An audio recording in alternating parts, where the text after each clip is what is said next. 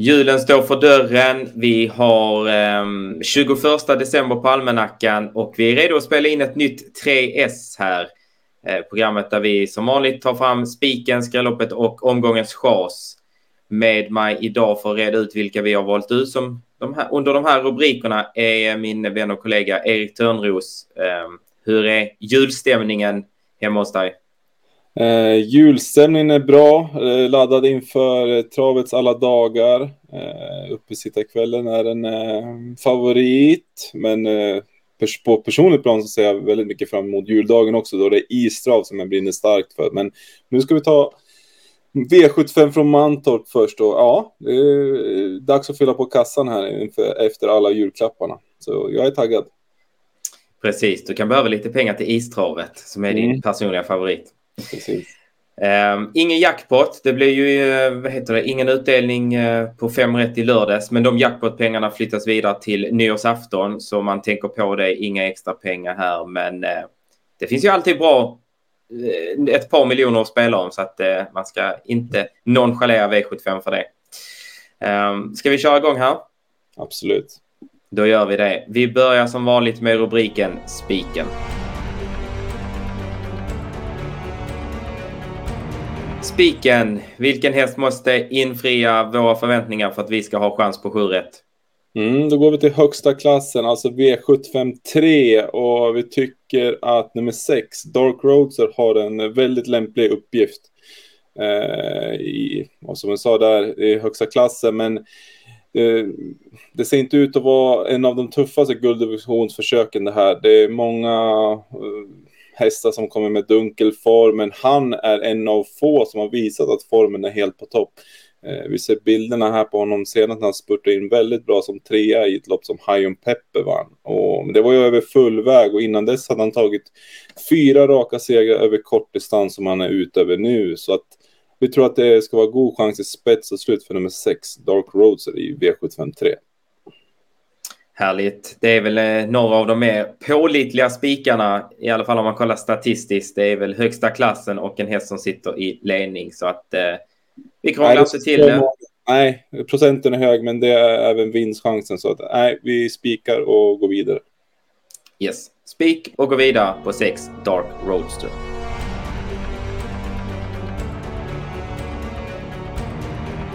Från spiken ska vi till skrälloppet och eh, från högsta klassen går vi ner till lägsta klassen, nämligen klass 2 och V75 5. Hur tänker vi här, Erik? Ja, men eh, Kapten Nemo är ju ganska klar favorit. Eh, han har ju, för sig, det är vår tipset här uppe, har en passande uppgift. Men vi är lite, vi ställer oss frå, frågande till eh, insatsen senast. Han såg ju ganska tankad ut och väldigt fin, men han gick sig helt i botten där och täta starter. Det, ja, det känns lite osäkert och där bakom tycker vi att det är väldigt jämnt. Så att, eh, vi hoppas att vi har rätt i vår analys där om Kapten Nemo och, och hoppas att det smäller till rejält här. Kapten Nemo tipsetta som sagt och favorit där bakom vår tips tvåa, sju Ulla Rolls. Eh, sen är det ju bara singelprocentare. Vi ska väl bjuda på någon som sticker ut lite extra. Vem har vi valt ut?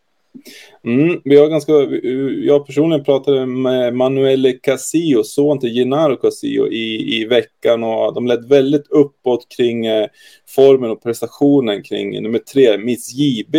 Eh, hon är ju startsnabb och har ett perfekt spår tre över kortdistans och hon kommer få en bra position och vi ser bilderna här senast. Eh, Eh, hur snabbt hon avslutar från, ja, från egentligen ett hopplöst läge. Hon satt ju sist, eh, sist i fältet mest hela tiden och breds ut 600 kvar. Och hon är ju ute i korvkiosken, men eh, hon går väldigt starkt över upplopp. Och är hon nu några hack längre fram så blir vi absolut inte förvånade att hon avgör det här på ren speed. Och biken åker på dessutom. Så att till 3-4 procent på Miss JB känns väldigt intressant här.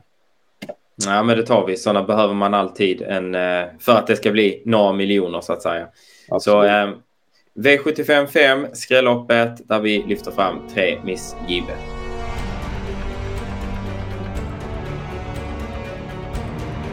Då är vi framme vid sista rubriken. Det är omgångens chas och eh, ja, vem, vi, vem har vi valt ut under den här rubriken?